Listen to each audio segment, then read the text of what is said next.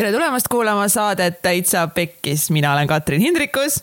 ja mina olen Mihkel Vetemaa. juhuu, päris Vetemaa on tagasi jess. ja meie Täitsa Pekkis saates me jätkuvalt räägime erinevate ägedate inimestega asjadest, mis lähevad elus pekki ja kuidas nende pekki tulek, tulekutega pekki minekutega toime tulla. ja täna on meil nii täna on meil nii, et on natukese teistmoodi. täna me räägime sellest, kuidas äh, mul Vietnamis läks ja me räägime elust ja, ja meie live show'st. issand jumal, see on üks kõige haigem proem, mis meil üldse käes on. nii et äh, ja me oleme ammu tahtnud jagada juba siin podcast'is lähemalt ka kõiki neid mõtteid, nii et äh, ilma pikema jututa, mis meil siin täna on äh, me oleme, mis, mis kuupäev on? kakskümmend kuus veebruar, ma olen viis päeva tagasi Eestis olnud ja väga masenduste rohke on olnud see aeg, sellepärast et siin on külm ja siin on nii kallis. ja Aha. mul on raha kõik otsas jah, sest äh, Vietnamis on teadupärast, siis saab süüa mitme euroga. väga odavalt, põhimõtteliselt nagu nii paljud söögikorrad olid ikka mingi kaks-kolm eurot et noh, kui, kui nagu vaeva näha, natukese vaadata ka, et, et sa võtad mingi korraliku koha, aga ikkagi mingi kohalikuma, siis on ikka mingi kolm euri ja nii ja jumal normaalne. see oli lahe, aga üldse kogu see kogu see Vietnami värk, see pani mind mõtlema, enne Katsiga arutasime ka, et ähm, tegelikult meil on üks aeg vaja ära teha meie persoonilood. me oleme edevad inimesed Katriniga ja me tahame iseendast. ilmselgelt, kui me tegime enda saate kui me tegime enda saate, kus me ei saa üldse endast rääkida, ma ikka iga episood proovin natukese, aga. aga me teeme kindlasti üks hetk, äh, me teeme ep persooni episoodid uh., kus me siis räägime üldse lähemalt, et mis me siis teinud oleme, mis need asjad pekki läinud on, ma olen andnud mingeid vihjeid siin ja seal millega mul on olnud siiamaani kõige suuremad äh, läbikukkumised jaa, aga äkki sa räägidki natuke sellest, et kuidas su teed üldse viisid sinna Vietnamisse ja et inimesed saaksid teada, et tegelikult sa ei käinud seal päikest võtmas ja ainult riisi söömas. kuigi ma mõlemat asja tegin jumala palju. Mitte liiga palju, aga ja, no esiteks reisimine tänapäeval ei ole väga nii väga eriline asi, mäletan, kui ma olin ikka mingi kümme aastat tagasi, keegi käis Aasias, siis see oli nagu Max-Stream, õnneks, õnneks nüüd saab reisida. aga ja, minu jaoks see tee Vietnami tegelikult oli ikka jumala pöörane. sellepärast, et äh, ma olen lihtsalt seal Vietnamis, ma mõtlesin hästi palju elu peale ja ma olen mõelnud tagasi tulles natukese oma elu peale teistmoodi. ma olen siin podcast'is mitmes episoodis olnud natukese morbiidne ja Kats on mulle ette heitnud, et kus see Mihkel on, keda ta teab, kes seisab äh, rind kummis ja alati positiivselt kõigile nendele väljakatsumustele vaatab otsa, siis viimasel ajal ma natuke sihuke tussu olnud ja ma vingun palju rohkem lihtsalt. aga aga siis see Vietnam jälle aitas asjad panna perspektiivi, sellepärast et üldse kogu see sihuke minu suur enesekindluse kaotuse teekond hakkas väga tükk aega tagasi, kui ma esimest korda võtsin selliseid suuremaid väljakutseid ette ja noh, mul läks koolis läks jumal pekki, aga sellest ma räägin vähemalt persooniloos.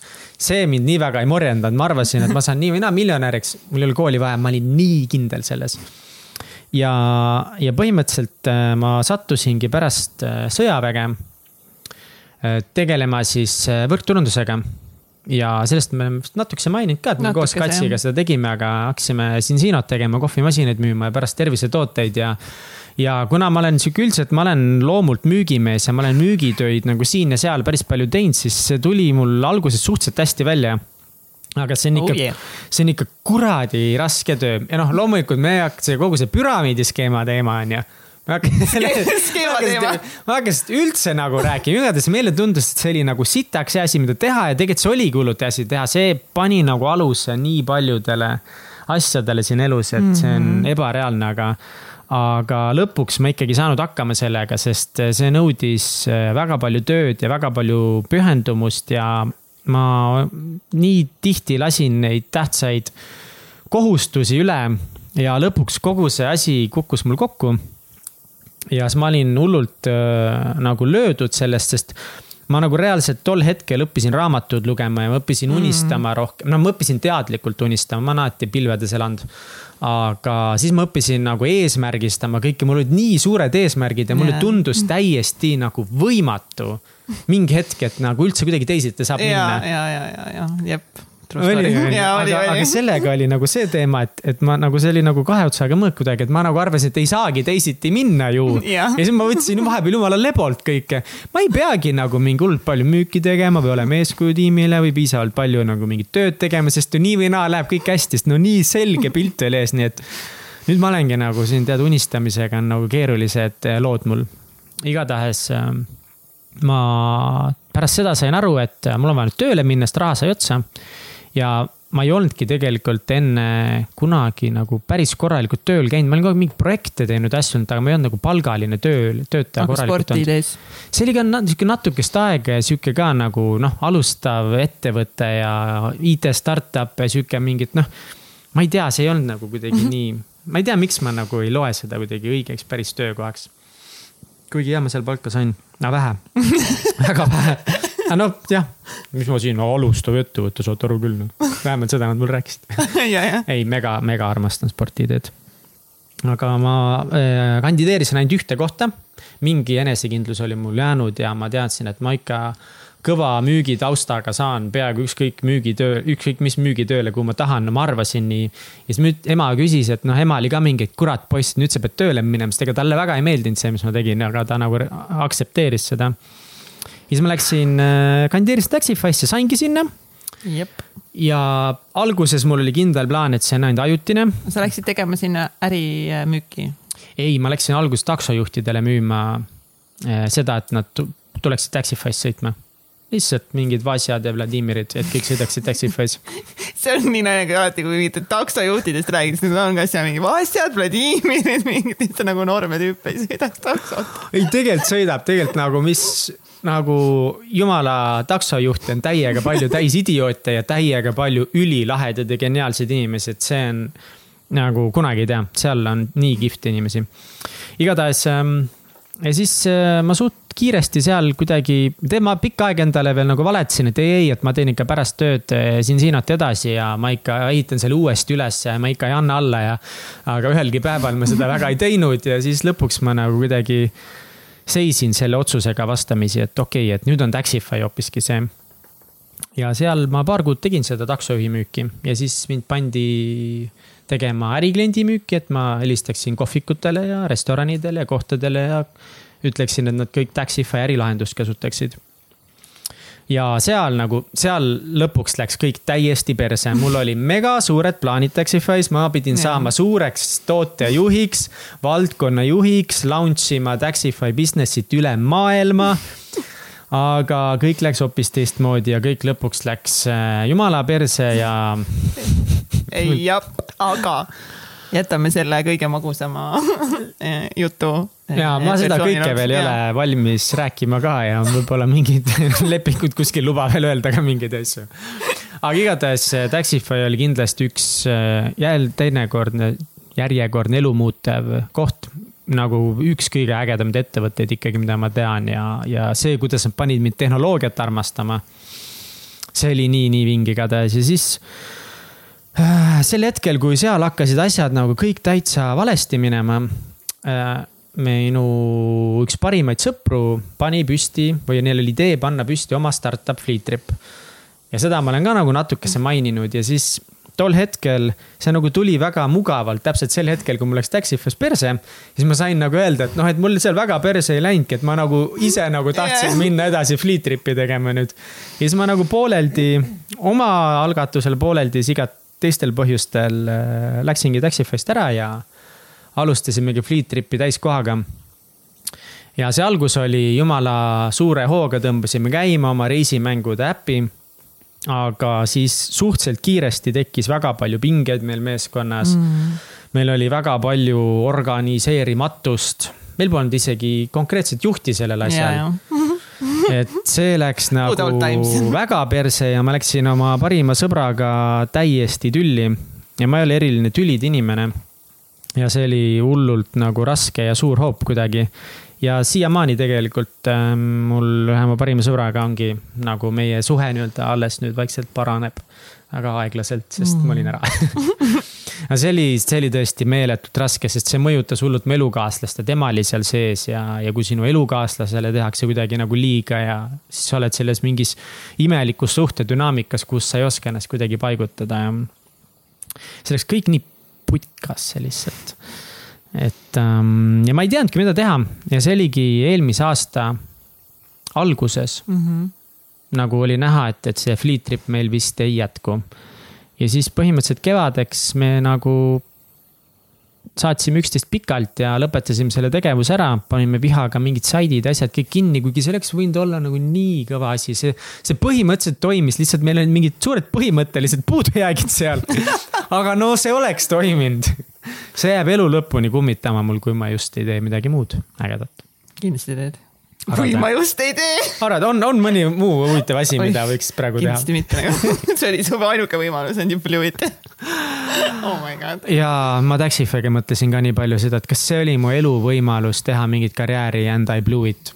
Ja ma siiamaani mõtlen seda, aga ma nagu, sellest teinekord ka, aga ma lihtsalt tean, et peab lihtsalt midagi muud tegema siis. ilmselgelt. muidu ma jäängi kahetsema võib-olla ja siis, äh, no ma olengi ühesõnaga terve elu sihuke müügiinimene olnud ja esinemise inimene, jutuinimene ja edev ja mulle meeldivad lavad ja värgid-särgid ja ma olen alati olnud suhteliselt kehv nagu õppija siukseid matemaatikaid, siukseid asju, ehk sihuke tehniline õpe on hästi keeruline mulle, aga sihuke loov ja niisama lugeda mulle meeldib.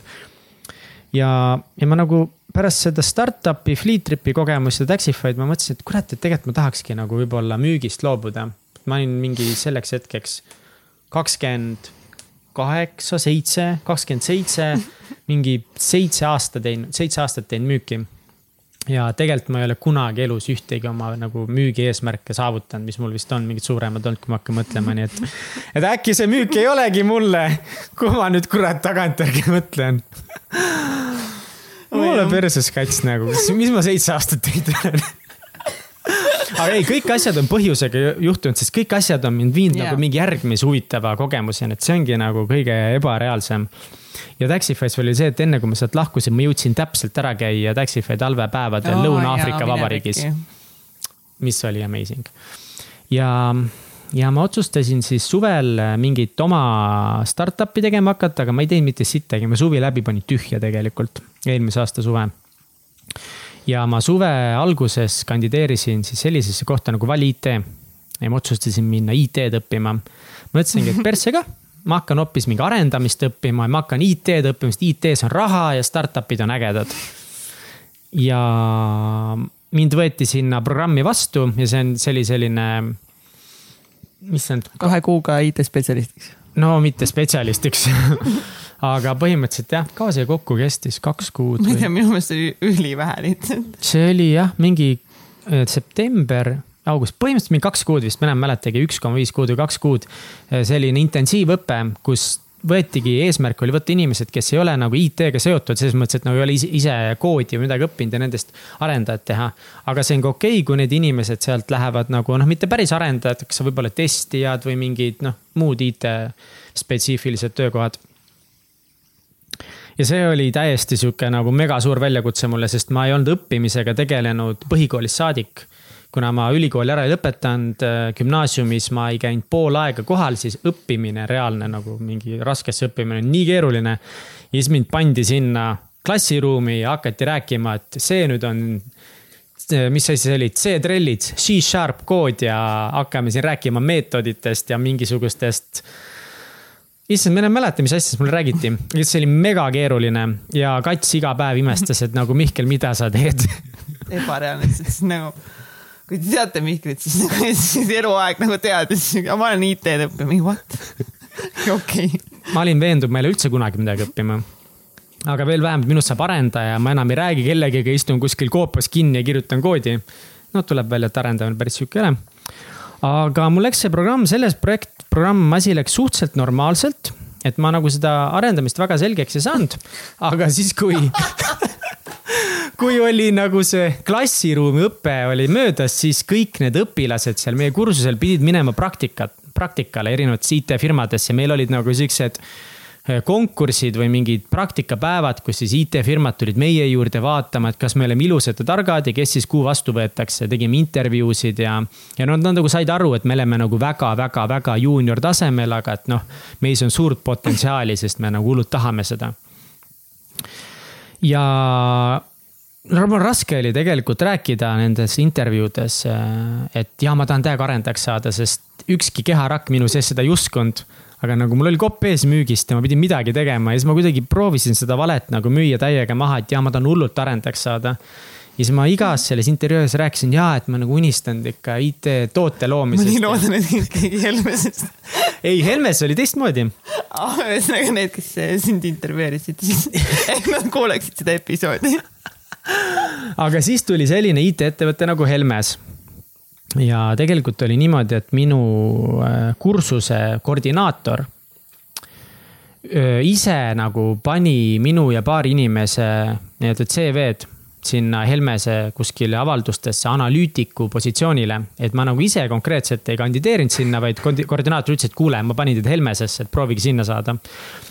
ja, ja see tundus nagu päris lahe, sest me käisime Helmeses mingisugusel ekskursioonil, sellepärast et äh, see Val IT projekt siis näitas IT-õpilastele, et milline üks IT-firma välja näeb kuna ju me ei tea midagi sellest. ja see Helmes tundus lahe koht. ja siis äh, läkski niimoodi, et Helmes minu ja veel kahe teise inimese meie kursuselt CV-d võttis vastu, ütles, et davai, et saate edasi nagu järgmisesse vooru ja meil enne nagu räägiti, kui raske on Helmesesse tööle saada ja kui mingi vana ajalooga kakskümmend kaheksa aastat IT-maastikul tegutsenud ja ta-ta-ta-ta-ta. ja siis ma noh, tundsin ennast päris ägedalt ja siis jõudis äh, kätte see intervjuu. ja jälle täiega raske oli nagu rääkida, et noh, et kellena sa siis näed ennast.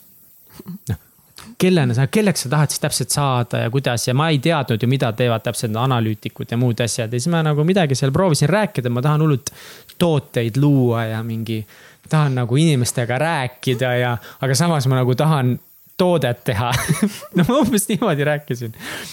aga siis neile meeldis mu jutt ja neil oligi vaja täpselt sihukest analüütikut ja tuleb välja, et nende analüütikute töö ongi inimestega rääkida. ja siis äh, vaadata, kuidas kliendi jutust panna kokku ülesanded arendajatele, et arendajad teeksid siis kliendi jutust valmis toote põhimõtteliselt. ja ma sain edasi järgmisesse vooru ja järgmises voorus tuli teha proovitöö mm. ja see oli täiesti crazy. Äh, tuli teha mingisugune, saatsid meile mingisuguse tekstülesande põhimõtteliselt äh, mingist fake ettevõttest, äh, mis Eestis teeb kuskil Kapa-Kohilas kosmoselaevasid ja oli, oli nii. ja siis nad ostavad sisse mingeid kosmoselaevade osasid ja siis ma pidin analüüsima nende nagu tarneahela mingeid puudujääke ja tegema mingisuguste diagrammide põhjal mingisugused parandused. ja seda kõike pärast presenteerima ja meil toimusidki nagu siuksed esinemised siis seal Helmeses.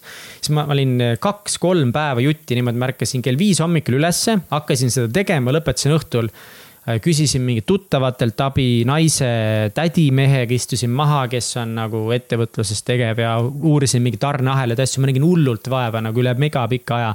ma lihtsalt panin nagu mingi kolm päeva jutti ja tegin jumala hästi selle ära. ja siis ma läksin sinna esinema ja mul läks see ka täiega hästi. ja siis ma nagu läksin seal kuskile mingi konverentsiruumi ette, hakkasin seletama, noh, see oli nagu sihuke nagu fake olukord, et mina nagu justkui kliendile pean mm. presenteerima, et mis on nende tarneahelas nagu puudu ja mingis tooteahelas ja midagi ja mis on meie mingisugused ettepanekud.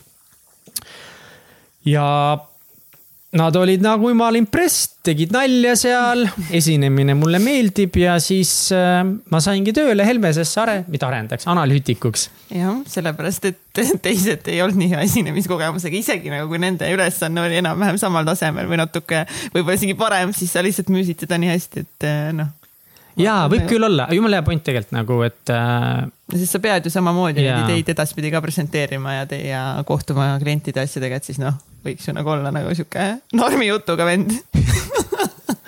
Ja tõesti, et, et see nagu kindlasti aitas hullult ka, siis jällegi pani mõtlema, et okei okay,, et ma olen tahtnud nagu tegelikult ma tahangi IT loomisega rohkem seotud olla, aga et ju siis sellest müügikogemusest mu elus on kasu olnud, et nüüd ma sain sinna Helmesesse tööle.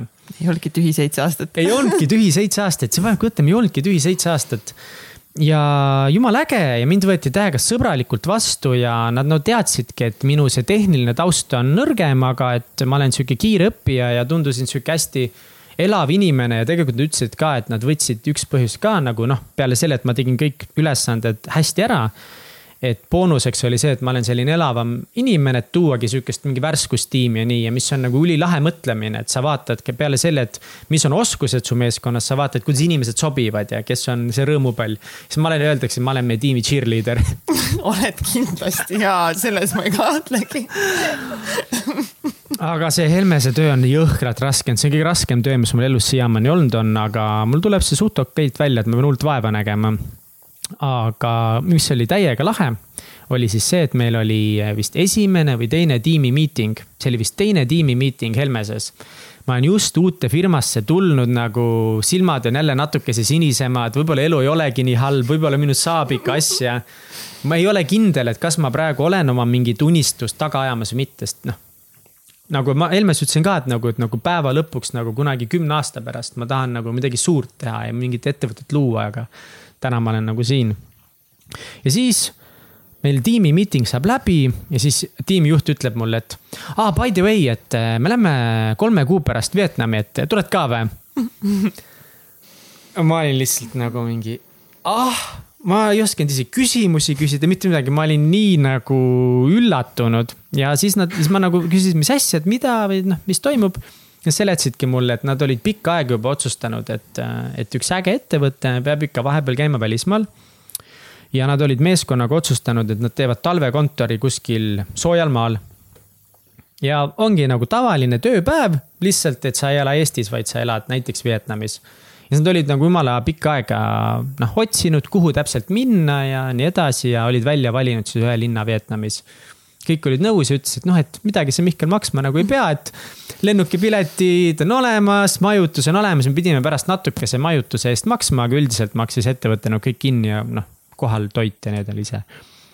siis ma hakkasin jälle mõtlema nagu, et kas mul nagu lihtsalt vahepeal joppab täiega või mis värk on. et äh, nagu siin Siinos oli sitaks joppamist, tegelikult ma sattusin õigesse tiimi, kus oli hea tiimijuht, mis aitas hullult ja mul siin Siinos joppas veel niimoodi, et kunagi mega-mega ammu ma tegelikult nagu liitusin selle ettevõttega, hakkasin tööd tegema aastaid hiljem ja mul oli nagu justkui nagu mingi hea positsioon ja ma pidin nagu poole vähem tööd tegema, et mingeid asju saada, jälle nagu hullult joppas. siis Taxify'sse ma kohe sain, kui ma sinna kandideerisin ja siis ma sain seal kohe nagu suhteliselt kiiresti hakata tegema asju, mis mulle jälle hullult nagu meeldis. ja enne kui ma sealt lahkusin, ma sain käia Lõuna-Aafrikas.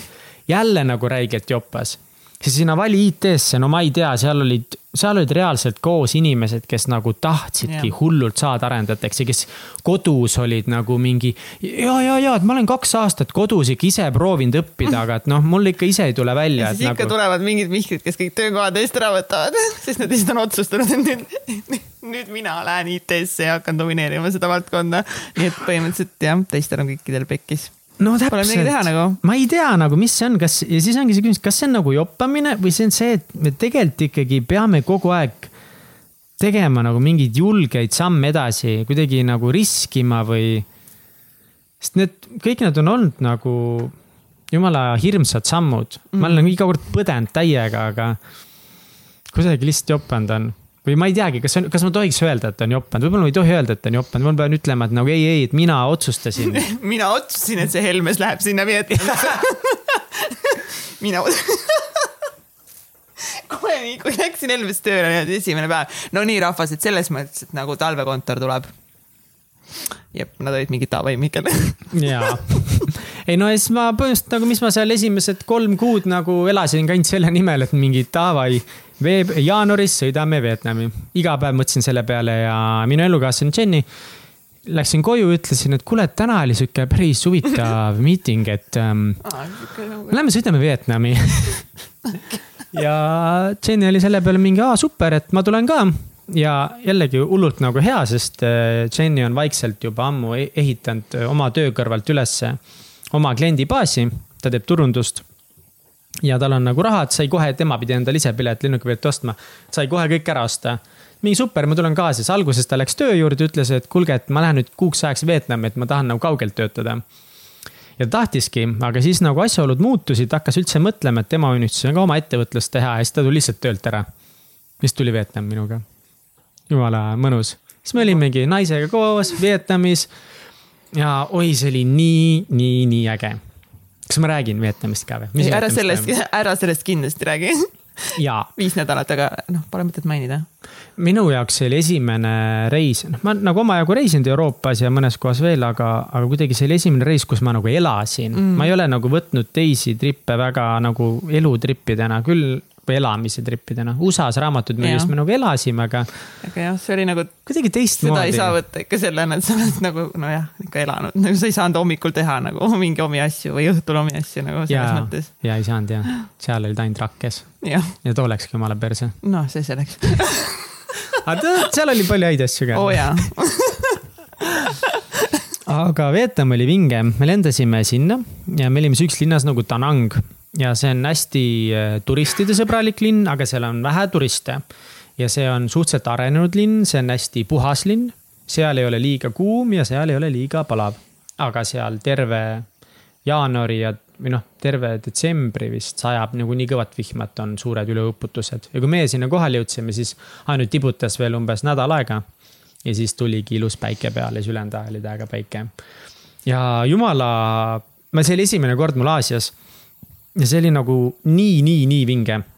üks nagu peamine asi, mis juures vinge oli, oli esiteks ajatsoon. siis teiseks oli see, et seal oli nii odav nagu mm. -hmm. ja, ja kolmandaks, et kõik olid nagu nii sõbralikud, siis tuligi välja, et, et kui te tahate igatahes, kui keegi tahab kuskile välismaale minna elama, mingi sihukest elu, et võtate läppari kaasa, siis mina soovitan nüüd Vietnamis Danangi. sellepärast, et see on selline linn, kus on wifi igal pool kõigis restoranides on wifi, seal on 4G üle mingi linna, üle riigi. ja sa saad nagu, jah, sa saad osta endale kohe mingi lennujaamast mingid 4G kaardid ja põhimõtteliselt lähed kohale ja hakkad tööd tegema ja meie elu nägi seal umbes selline välja, et. me ärkasime hommikul ülesse mingi kella kaheksal iga päev ja siis hommikuti, noh, oligi mingi, mina lugesin raamatut. mul oli selline plaan, et ma tulen Vietnamist tagasi hästi palju targemana et ma lähen nagu Mihklina, aga ma tulen tagasi targema Mihklina. super Mihklina. super Mihklina, ma võtsin ka, me ostsime kindlid selle reisi jaoks spetsiaalselt või õigemini ma ütlesin oma emale, et ta kingiks jõuludeks. ehk siis ostsime ja isa kinkis, ütlesin, et ema, et kingi mulle palun ja siis isa, et kingi Jennile palun hinda. ja niimoodi me saime jõuludeks, noh. ja ikka võib. ja võib ja see on super asi ja siis mul kindlalt panime raamatuid täis, äh, mindset, äri, analüütika. Äh, ma võtsin kaasa Lean Startup, ma võtsin kaasa Zero to One startup'i raamatud, et õppida IT kohta kõike ja ma lugesin tuhat viissada lehekülge. ma lugesin Vietnamis tuhat viissada kindli lehekülge.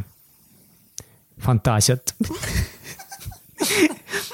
et kõikide raamatute muuseas ma ostsin ühe fantaasiaraamatu. igaks juhuks niimoodi äkki. Way of Kings. esimene osa oli tuhat ükssada lehekülge, teine osa mingi tuhat lehekülge ja ma olen seda nüüd lugenud tuhat kuussada lehekülge. ja ma lugesin seda Lean Startupi kaks korda, et kohvikus Instagrami pilti teha ja siis ma mõtlesin, ma lähen kohvikusse hommikul, siis ma, seal oli hästi lähedal üks ilus kohvik, siis ma reaalselt läksin kohvikusse, võtsin selle nagu targaks saamise raamatu kaasa ja tegin Instagrami pildi sellest, jumala nagu ilus, sai, sain täiega palju likee. ja siis ma olin sunnitud seda lugema, siis ma lugesin seda ja täiega põnev oli, ma olin nii motiveeritud, aga järgmisel hommikul ma lugesin ikka Way of Kingsi. ühesõnaga, mul läks see nagu läks, see plaan läks täiesti pekki.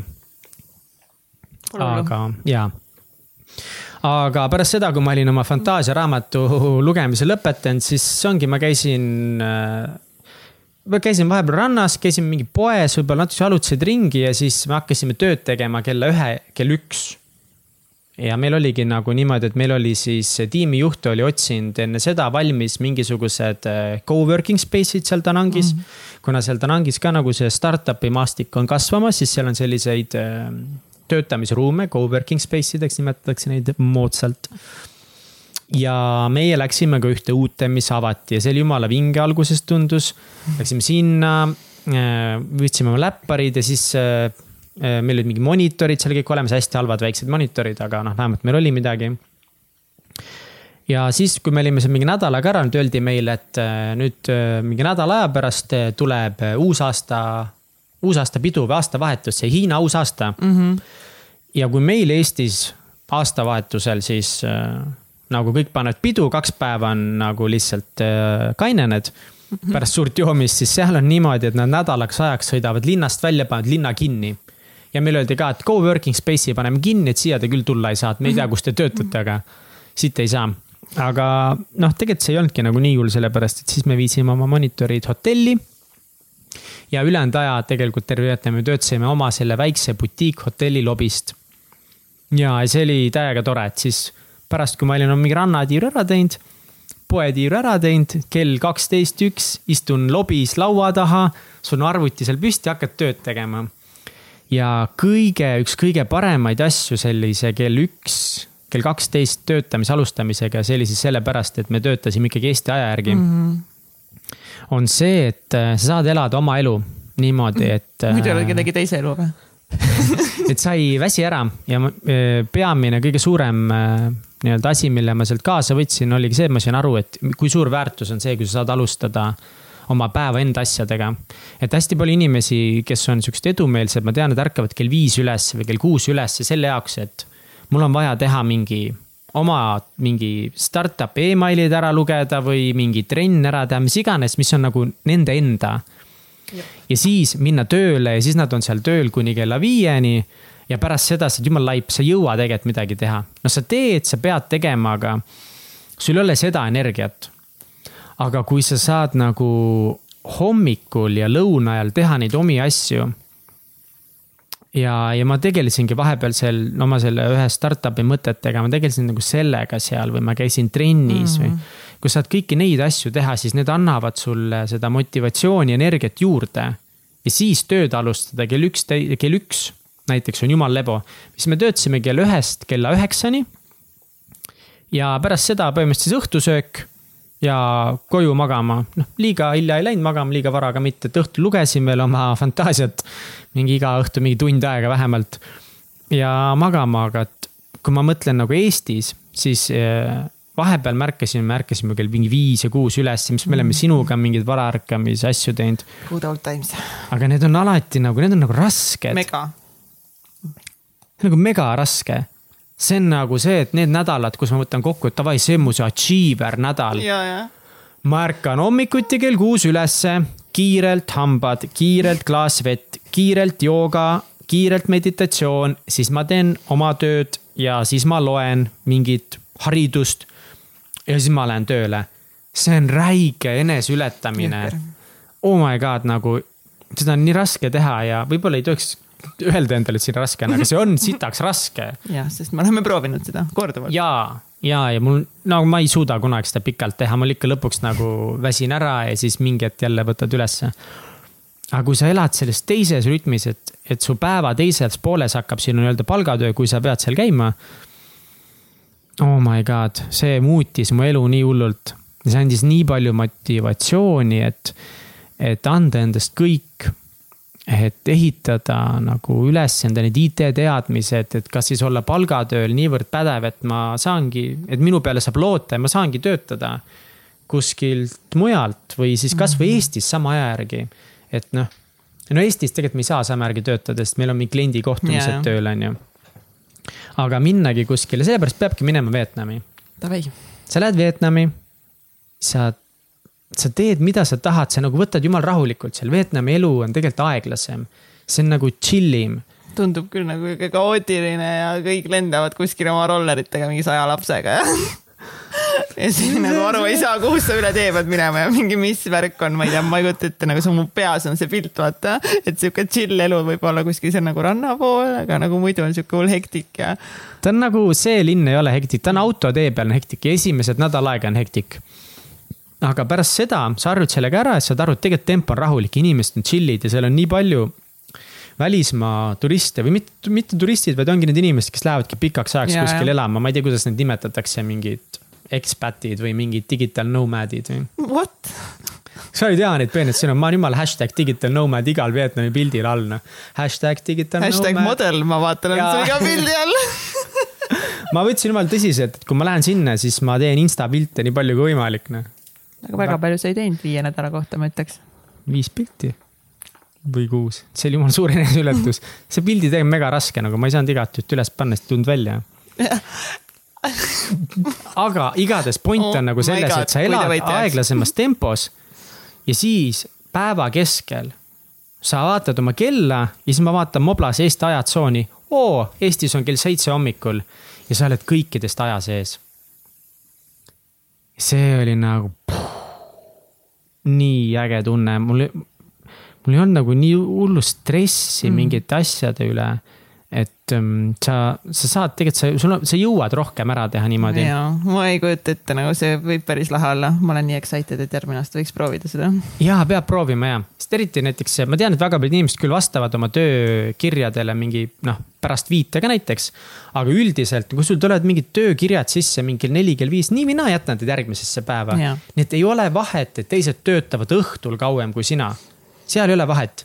aga kui sina alustad viis yeah. tundi enne neid töötamisega.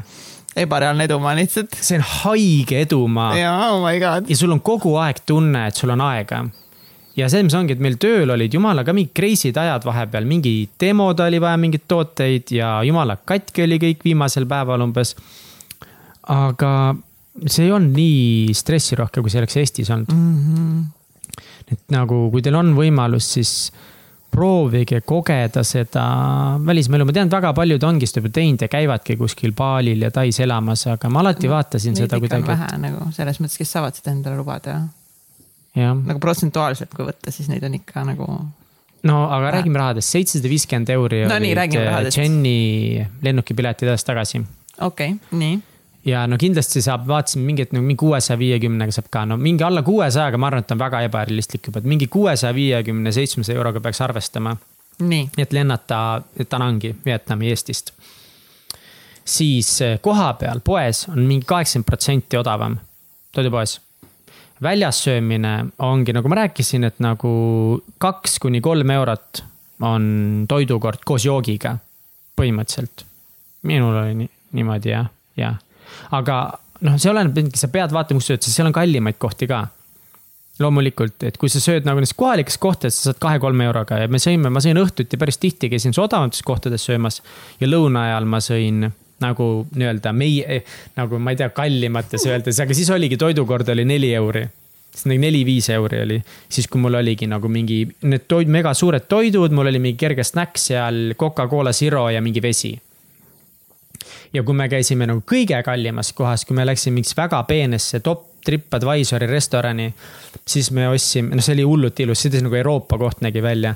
me ostsime mm, mingi ühe, kaks pearooga, ühe eelroa, äh, ühe viski, ühe noh, klaas, klaas viskit, klaas veini, kaks kohvi, kaks soda water'it ja see kõik läks üheksateist euri maksma mida pekki? üheksateist, üheksakümmend oli ees me käisime eile Chicagos, see, mida mehed tegelikult tahavad. meil läks Egertiga viiskümmend euri, teine läks Jeniga viiskümmend euri. siis läks nelja peale kokku sott.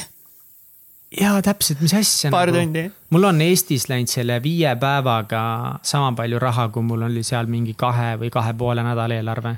ja seal ma sõin nagu kogu aeg väljas põhimõtteliselt ja mis sa ütlesid mulle ka, et üks nagu, nagu, mis sulle ülimeeldis Vietnamis elamise juures, see, et sa ei teinud mida ja vot nii ja nüüd tuleme, kui me tuleme raha juurde tagasi, siis võtad endale mingi apartmenti, on ju, ja see hotell, kus meie oli, meil oli, elasime väikses butiikhotellis ja seal oli üheksa tuba ja see oli kõik meile ainult.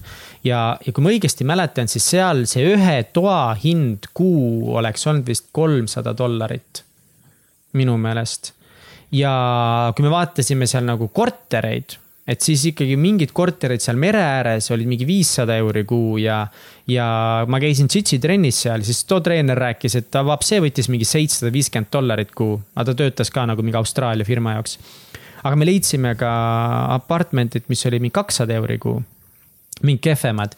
nii et noh, põhimõtteliselt, kui sa elaksid mingi kolmsada euri kuu hotellis, siis mida sa ei pea tegema? sa ei pea koristama sellepärast, et võluväel iga kord, kui sa lähed ära, su voodi saab korda ja prügi korjatakse ära, ma ei tea, kuidas see käib, võluväel, kõik nõud, asjad ise lähevad ära.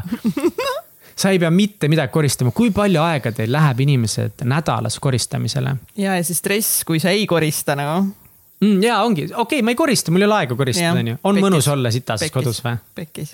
pekkis? pekkis, pekkis, täitsa pekkis. täiega ja, ja mis, oota, mis. süüa ei pidanud kodus tegema. ja täpselt ja sa, ja kui sa saad väljas süüa, noh, selles mõttes see ei ole nüüd kindlasti kõige tervislikum asi, kui sa kogu aeg väljas sööd, kuigi seal on suht okeid kohad minu meelest siis äh, noh, oleneb kaua sa oled, minul oli suht savi.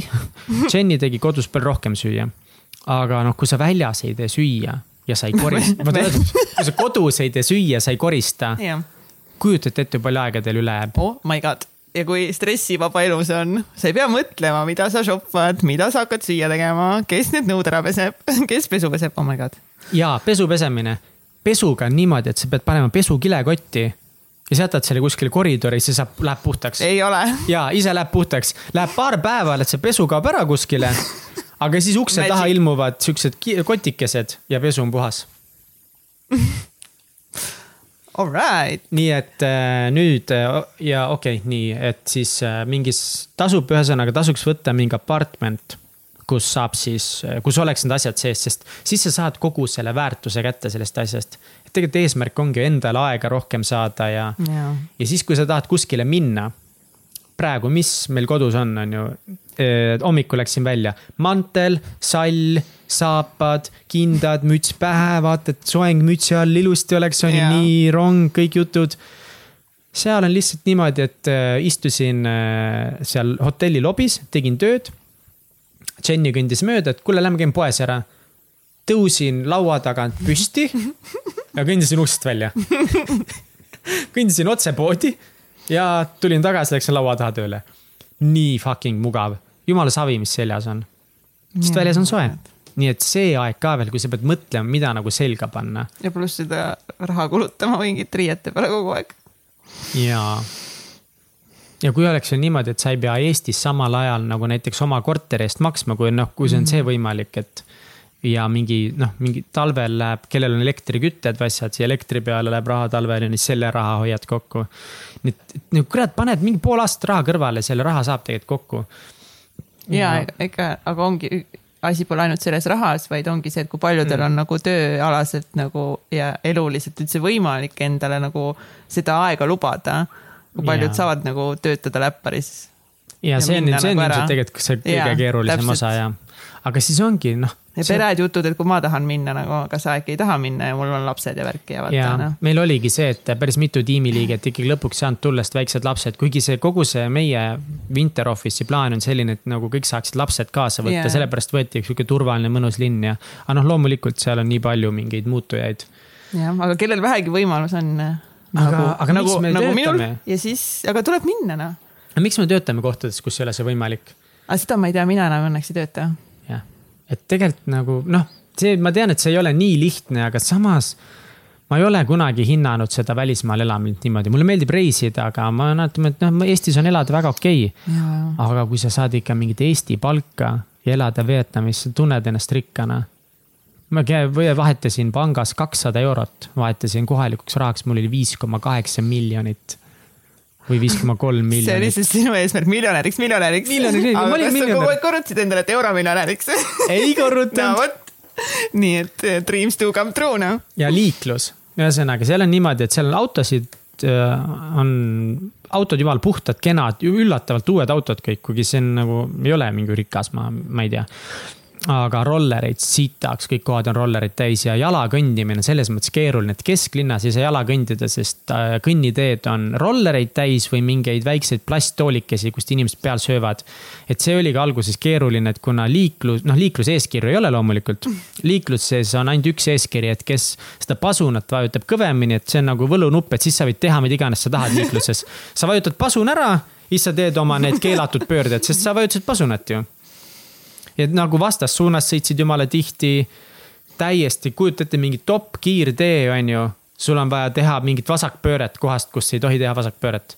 sa lihtsalt lähed ja siis ma nagu alguses ma mõtlesin, et me saame surma. aga mingi hetk ma sain aru, et nad tegelikult liiklevad aeglasemalt kui Eestis, nad sõidavad niimoodi mm. mingi neljakümne, kolmekümne viie, neljakümnega linnas Eestis panevad kuuekümnega inimesed linnas. ja sa lihtsalt alati lähed, ükskõik, mis sul teha vaja on, sa lihtsalt lähed niimoodi vaikselt ja ma nüüd tulen siit, keeran vasakule ja ma lähen ja ma ei vaata teile otsa, kui ma teid ei näe, siis mul on savi. ja nad pressisid igalt poolt ennast läbi ja üle, üle autotee minekuga jala, alguses ma mõtlesin, et ma saan surma, ma ei saa siit üle. aga tegelikult on see, et sa lihtsalt nagu enam-vähem vaatad, et mingi bussi ei tule, sest nagu bussid ei saa eest ära põigelda. Aga kui bussi ei tule lähedalt, siis hakkad üle tee lihtsalt minema, ükskõik kui palju liiklust on oh. ja sa lihtsalt lähed ja sa eriti ei vaata kõrvale, lihtsalt jää endale kindlaks, hoia oma tempot ära tee äkilisi liigutusi ja nad sõidavad kõik mööda sinust. ja lõpuks harjud sellega ära, et sa lähed igalt poolt wow. üle tee ja ja see toimib kuidagi, see dünaamika toimib. Nad on leidnud oma süsteemi, mis toimib jah. aga ma siiski ei kõndinud igale poole jala, vaid ma sõitsin igale poole Grabiga. Grab on siis äh, Vietnami Taxify. Ja minu sõidud tavaliselt mingi kolmekilomeetrised sõidud ja need maksid kaheksakümmend eurosenti.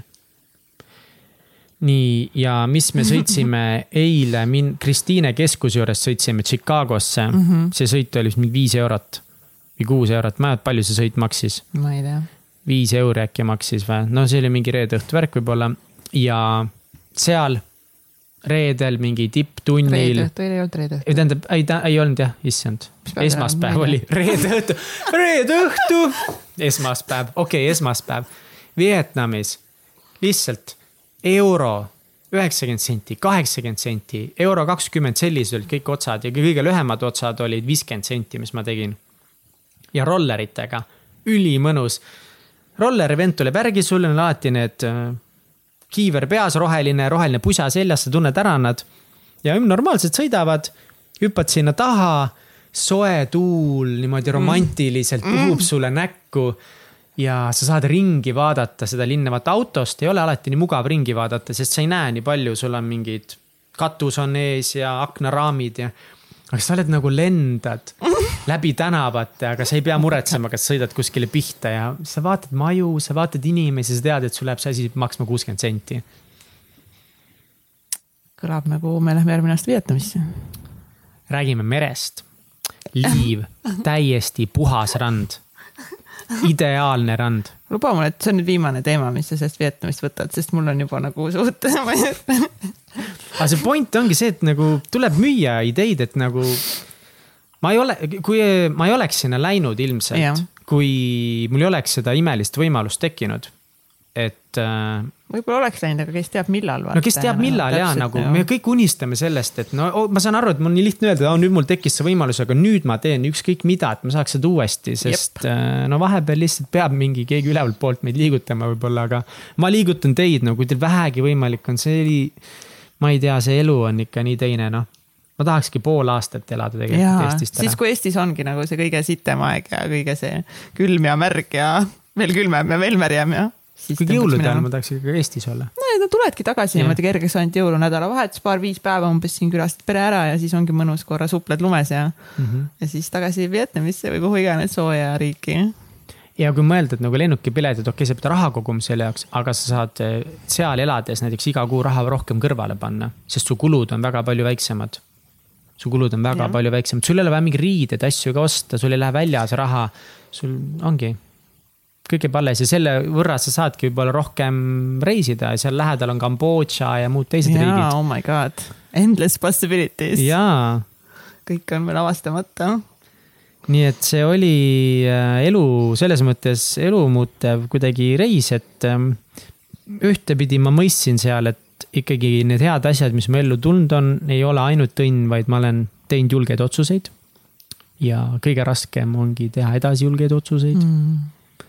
ja teistpidi ma nägin, mis võimalused ikka elus on ja. ja, nii et kes kuulajatest tunneb, et ta tahaks ka järgmine aasta Vietnamisse minna, siis siis võtke meiega ühendust ja äkki saame pundi kokku ja saame võib-olla veel mingi. võtame oma väikse hotelli ja. no täpselt, värgid-särgid, co-working space'id. mul on kõik selge juba seal, kus kõik on, on ju, loomulikult. keegi ei pea muretsema enam sellepärast, et eh, ei tea alguses, kuhu minna, mida teha, veits kahtlane raha peab ümber mm -hmm. arvutama, Mihkel olemas, kohe plaks siit saab seda, siit saab seda, see alla laadida sinna, noh olemas, see on liiga lihtne teile ja, ja. selle eest eh, Mihkel soovib ainult nagu kerget komisjonit Commission võiks olla selles, kui keegi tahaks tulla meile podcast'i appi, siis, siis yeah. meil läheb podcast'i tiimi, peame küll varsti ehitama hakkama. aga rääkides tiimist, siis kui Kats hakkas rääkima seda täitsa pekis live show teemat. on, on nii? mis oli, noh, ma ei tea, ma alguses lihtsalt nagu, ma ma hästi ei tahtnud uskudagi või tahtnud mõeldagi selle peale, et me seda tegema hakkame. aga siis Kats lihtsalt mingi oma joonist hakkas seda tegema ja lihtsalt ütles mulle, et kuule, nüüd ma juba teen konverentsi, et teed ka minuga või? siis mul nagu ei jäänud midagi üle ja lihtsalt ühel hetkel Katsil mingi seitsmeliikmeline või mitmeliikmeline meeskond meil on, ma isegi ei tea. ma ei, ma ei ole nüüd, nüüd lugenud, sest meil on veel offshore meeskond ka, kes arendavad veebi ja teevad disaine ja, ja. siis ma ei tea. hashtag no. tint disain, hashtag Navin meedia. ja, ja., kõik hashtag'id ma arvan, et ja ma ei tea, kümme inimest. Lihtsalt nagu vabatahtlike tiim, kümme inimest, kes tahavad teha midagi ägedat ja aidata. Yeah.. suurtel asjadel juhtuda, täiesti uskumatu, kuidas sa tegid seda? ma ise ka ei tea, kuidas ma tegin, ma lihtsalt hakkasin tegema, lihtsalt hakkadki rääkima inimestele nagu oma ideed ja nagu mõtlesin vaata peas välja, et milliseid inimesi meil tegelikult päriselt oleks tiimi vaja. noh, kedagi, kes aitaks, ongi nagu disainiga, veebiga, keegi, kes aitaks turundusega, keegi, kes aitaks PR-iga, keegi, kes aitaks nagu üldise korraldusega. ja üks äh, väga tore naisterahvas tuli meil ju läbi podcast'i, siis me siin hõiskasime välja, et me hullult otsime endale meeskonnakaaslasi mm. -hmm. Lotta Kirke tuli ju sellega, me saime kokku, ülilahe tšikk aitab meid ja teised tulid nagu enda tutvuste kaudu. lihtsalt nagu tuleb rääkida inimestega. ja ega me siis ei otsigi ju nii-öelda full time inimesi, kes ainult kaheksa tundi päevas seda teeksid. et äh, kui see idee nagu on seksikas ja sa suudad selle nagu maha müüa ja inimesel on endal ka, ta näeb, et tema tööst on actually midagi kasu ja see, mida me teeme, on päriselt ka loob väärtust inimeste ellu, siis osad inimesed lihtsalt tulevad kaasa sellega, aga siis peab need õiged inimesed üles leidma ja kuidagi seekord õnnestus teha seda. see on, ma siia, see on ebareaalne, see on väga-väga vinge, et sa tegid, ma tõesti, ma olen nii nagu respekt et selle asja käima tõmbasid. tihtipeale on selle alustamine kõige raskem. mina olen väga kehv alustaja, ma olen aru saanud, aga ma olen Aitäh. jumala hea edasilükkaja. jah, täpselt, mina olen just väga hea alustaja ja siis oledki sina, tuled, kes paneb nagu täpsemad süsteemid paika, kuidas neid süsteeme hallata, Mihkel tuli siis kohe nii buum, Exceli tabelid veel mingid tabelid, kõik statistika, kõik paika, ma mingi STNK-d Mihkelis back nagu mul muidu plahvatab kõik mingi sada kuradi akent on lahti kõik on sassis ja ma ei saa aru, kust pileteid müüakse ja kust, mis toimub nagu. see inimestega rääkimine nagu nii kummaline, et nii palju asju, mida me elus teame kuidas nagu jõuda edasi, kuidas teha paremaid otsuseid ja kuidas mingi oma mingeid teatud eesmärke ellu viia, me teame kõike nii yeah. palju, et aga miks ma ei kasuta seda, ma olen fucking seitse aastat pidanud elatist teenima müügiga ja inimestega rääkimisega.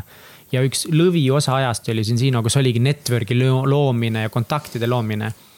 ja nüüd, kui ma mõtlen, et äh, konverentsid, asjad, siis ma mõtlen kogu aeg, et ei tea, kas keegi oskaks kuidagi aidata. ja siis järsku üks väga hea, üks mu parimaid sõpru, üks endine yeah. kursavend, meie sõber David Reger kirjutab, et kuule, te teete nii ägedat asja, et, et ma aitan teil mingi väga soodsa hea reklaamisüsteemi välja mõelda.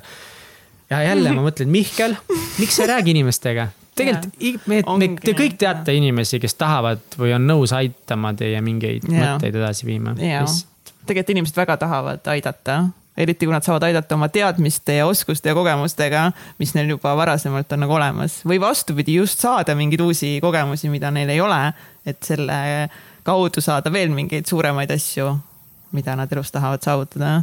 et lihtsalt jaa, aga ei nagu see probleem on nagu jätkuvalt see, et tuleks veel rohkem rääkida, aga mingid hirmud tekivad, vaata, kui me siin Sinniga alguses hakkasime tegema, siis me laksisime nagu nullteadmistega nagu toodetest ja ärist ja kõigest nagu niimoodi müüki, kõike nagu full ja siis mingi hetk nagu käisime nii palju koolitustel, mingi hullult arenesime, mingi hetk siis mingi nope vist ei approach enam nagu. me ei suuda enam kellegi rääkida, me ei tea ja. kedagi, me ei oska kellelegi midagi rääkida.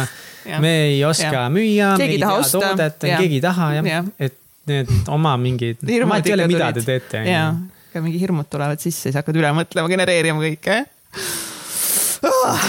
What is this life nagu? jaa, aga see live show, see tuleb, see tuleb imeline, see on, mul läks äh, aega, et äh, nagu see idee endale maha müüa või armud sellesse. Ja Vietnamis oli mul aega päris palju mõelda ka oma eesmärkide ja asjade üle ja kuidas nagu see live show positsioneerib minu elus ja minu unistustega, aga see, mida me oleme täitsa pekkis korporatsiooniga või Jaa. täitsa pekis meedia, täitsa pekis maailm. mida me täitsa pekis asjadega oleme alustanud ja need inimesed, kellega me oleme tutvunud oh, jaa, see on päris äge, et tõesti. Ja ma ei tea, kui ma olen kuulanud ka neid lugusid lihtsalt, mida inimesed on rääkinud meie podcast'is. Oh my god, need on nii head lood, need on inspireerivad ja nii huvitavad.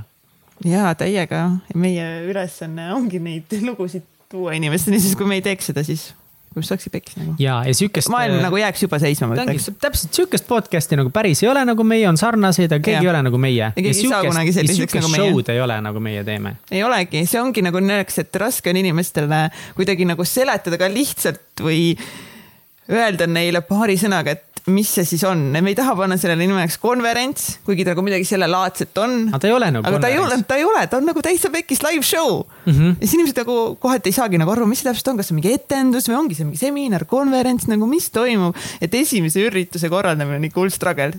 pärast juba inimesed teavad, sul on rohkem videomaterjali on ju, kõike särki-värki. praegu lihtsalt nagu keegi ei tea midagi. põhimõtteliselt esimese päevaga me müüsime pilet, põhimõtteliselt müüsime õhku või noh, põhimõtteliselt võib öelda. siis panime Mhm. lihtsalt välja, et live show üks punkt null tuleb. Aga no me, ja me teame, kes seal esinevad meil juba. nojah, jah, aga need esinejad juba on nii kõvad, et nende, nende nimel tasub täiesti tulla. Aga ja nüüd nagu hakata vaadatama seda nagu listi, et umbes, mida me veel kõik peame tegema, mida me kor peame korraldama ja meie teeme seda nulleelarvega põhimõtteliselt. okei okay,, no kats oma siin tööturahadest paneb kogu aeg iga kuu kuidagi. ja teise firma, teise firma rahasid kandid või? kandin rahvi lämedalt üle, et põhimõtteliselt tead, kõik need paarikümned eurod. ikka vähe suuremad summad. natuke suuremad summad ja et äh, tuleb nagu ohv- ohverdusi tuua teise firma arvelt nagu, et saaks seda üritust teha. jah, ma ei tea, aga ma usun, et äh, isegi kui me nagu praeguseks hetkeks ei ole võib-olla nii palju pileteid veel müünud, kui ma oleks tahtnud, et oleks, no ikka mõtled, oo paned live show käima ja kohe buum, kõik piletid välja, noh võiks olla nii, aga reaalsuses ei ole, sest miks, miks see mul tekkis üldse see mõte et nagu me võiks müüa kohe kakssada või nelisada piletit ühe päevaga. lihtsalt Margus Vaher tuli, ütles mulle, et nii kui nemad panid oma esimese ürituse, mida mehed tegelikult tahavad, lihtsalt event'i ülesse. kahekümne nelja tunniga kakssada piletit, üritus välja müüdud. ma olen mingi nagu Margus Vaher suudab. nagu miks me halvemad oleme, puht keegi ei tea meist midagi. võib-olla see väike vahe, et äh, teda teatakse ja, Ja- meid ei tea nagu no, legit täpselt. mitte keegi peale nende inimeste, kes praegu kuulavad sind ja. täpselt, täpselt. aga ja, kes te kuulate, siit tuleb nüüd eh, promo, tulge kõik live show'le, sest see saab. pluss ma olen laval, nii et noh, ma olen õhtujuht ikkagi, nii et MC, MC, MC master of conference, MC mm, või midagi sihukest oli. mm,. Master of Ceremonies aa, tseremonis või? yeah.. et põhimõtteliselt tseremooniameister, täitsa pekkis tseremoonia jaa nii et me teeme selle ära ja me teeme selle hästi ära selle tiimiga. Ja kui on keegi, kes eh, tahab veel kaasa aidata, kui kellelgi on mingid ägedad mõtted, et midagi, mida võiks seal näidata või keegi tahab midagi seal promoda või midagi pakkuda, keegi tahab tulla oma kohvi või toiduga sinna. kui keegi tahab, kellelgi on mingeid ägedaid, kas ongi mingeid tervislikke tooteid, mingeid snäkke, mingeid jooke, mida saaks panna inimestele goodie bag idesse, siis seda oleks midagi, mida meil oleks vaja mm. -hmm. mm. -hmm. nii et eh, kui te usute meisse, siis võtke kohe Facebook lahti, oma sõbralistid, kes teeb ägedaid asju, kui ise teete, plaksti kohe, kohe no,, kirjutate kohe meile. praegu hakka- hakake juba kirjutama meile, noh, sellepärast, et nagu pärast jääd ilma lihtsalt nagu siin teised asjad on goodie bag ides, sest goodie bag'id tulevad täis ja kõigile neljasaja kuuekümnele inimesele need goodie bag'id nagu tulevad, et see on üks, mis kindel, see üritus saab olema välja müüdud, see on üks, mis kindel. lihtsalt see teekond ma küll nii kindel, et ta täiesti nagu ja see üritus saab olema, I promise you guys, et see saab olema välja müüdud, ma ei tea veel, kuidas, mismoodi, aga see saab nii olema. ja see saab olema fucking amazing, jaa yes. nii et jah, tuleb äh, uskuda ja, ja me enne Katsiga just arutasime, et, et, et just see teema, et me oleme hullult ikkagi positiivsed ja me mõtleme suurelt ja meile meeldib unistada ja siis. ma just ütlesin seda, et nagu selle, et kuidas Kats nagu endaga õhtuti rahu teeb, et kuidas ta magama jääb, on see, et, et selle suure stressiga ta mitte ei nuta ennast magama. vaid ta kujutab ette lihtsalt, kui, kuidas meil see üritus käib, kuidas äh, keegi on seal laval ja siis kõik need inimesed ja see täpselt see emotsioon, need pilgud mm, -hmm. noh, et sa kujutad seda kõike ette, kui hea see olema saab ja siis selle õndsa rahuga saad magama jääda ja unistada nagu ette kujutada, kui ilus saab olema, aga ma olen, mina olen kuradi viimased oma müügis kõik need aastad just seda visualiseerimist hullult teinud ja ma ei julge seda üldse enam teha, sest ma kardan, et ma lihtsalt jään siis selle peale kuidagi lootma, see on nii lollakas, ma ei tea, aga nagu mul on see teema, et ma nagu kardangi, et nüüd ma jäängi selle visualiseerimise peale lootma, sest ma ei ole saavutanud kunagi veel neid asju, mida ma tegelikult olen tahtnud saavutada ja aga kui sa, sa ennem ütlesid ka, et sa tahad pigem ongi mingi kindla plaani paika panna ja tegutseda nagu selle plaani järgi ja kogu mõte, kui sa nüüd need kaks asja paneksid nagu koos toimima. mul läheb aega, et saada veel tagasi see usk sellesse visualiseerimisse või sellesse, ma ei, nagu ma ei tea, ma tean, et see on nagu oluline, aga ma ei. Dreamboardi kiskusid seina pealt maha, ütlesid this shit ain't working ei, anymore. mul läks aasta ja paar kuud, et teha endale uus Dreamboard. no sama. ja see oli, see oli raske, kui too vana Dreamboard yeah. tuli maha võtta ja siis, et nagu ei, ei, ei, tunnista edasi ja ta-ta-ta ja ja selles mõttes nagu ongi nagu mitte, et elu oleks nagu hullult mingi halb on, et inim-, paljudel inimestel on olnud palju suuremaid või nagu sisulisemaid või raskemaid väljakutseid, aga. ja, et mis see... on need probleemid tegelikult, mille üle mm -hmm. me mhm. täna vingume, need ei ole nagu mingid probleemid, et milliseid probleeme sa endale soovid, et kas mm -hmm. nagu selliseid probleeme nagu meil on või, või mingid tervise või mingid nagu, pere, mingid ja, asjad, et. ja, et need probleemid on ülihead probleemid, mida kas kõik soovige endale neid probleeme, mis meil on, sest need on fucking head probleemid. aga samas see on mu enesekindlust nii palju mõjutanud, et see nagu selles mõttes mind hullult ikkagi häirib, et mu enesekindlus on saanud nii palju lüüa. Mm kuidas ma nagu noh, sellega rahu teen? ma ei tea.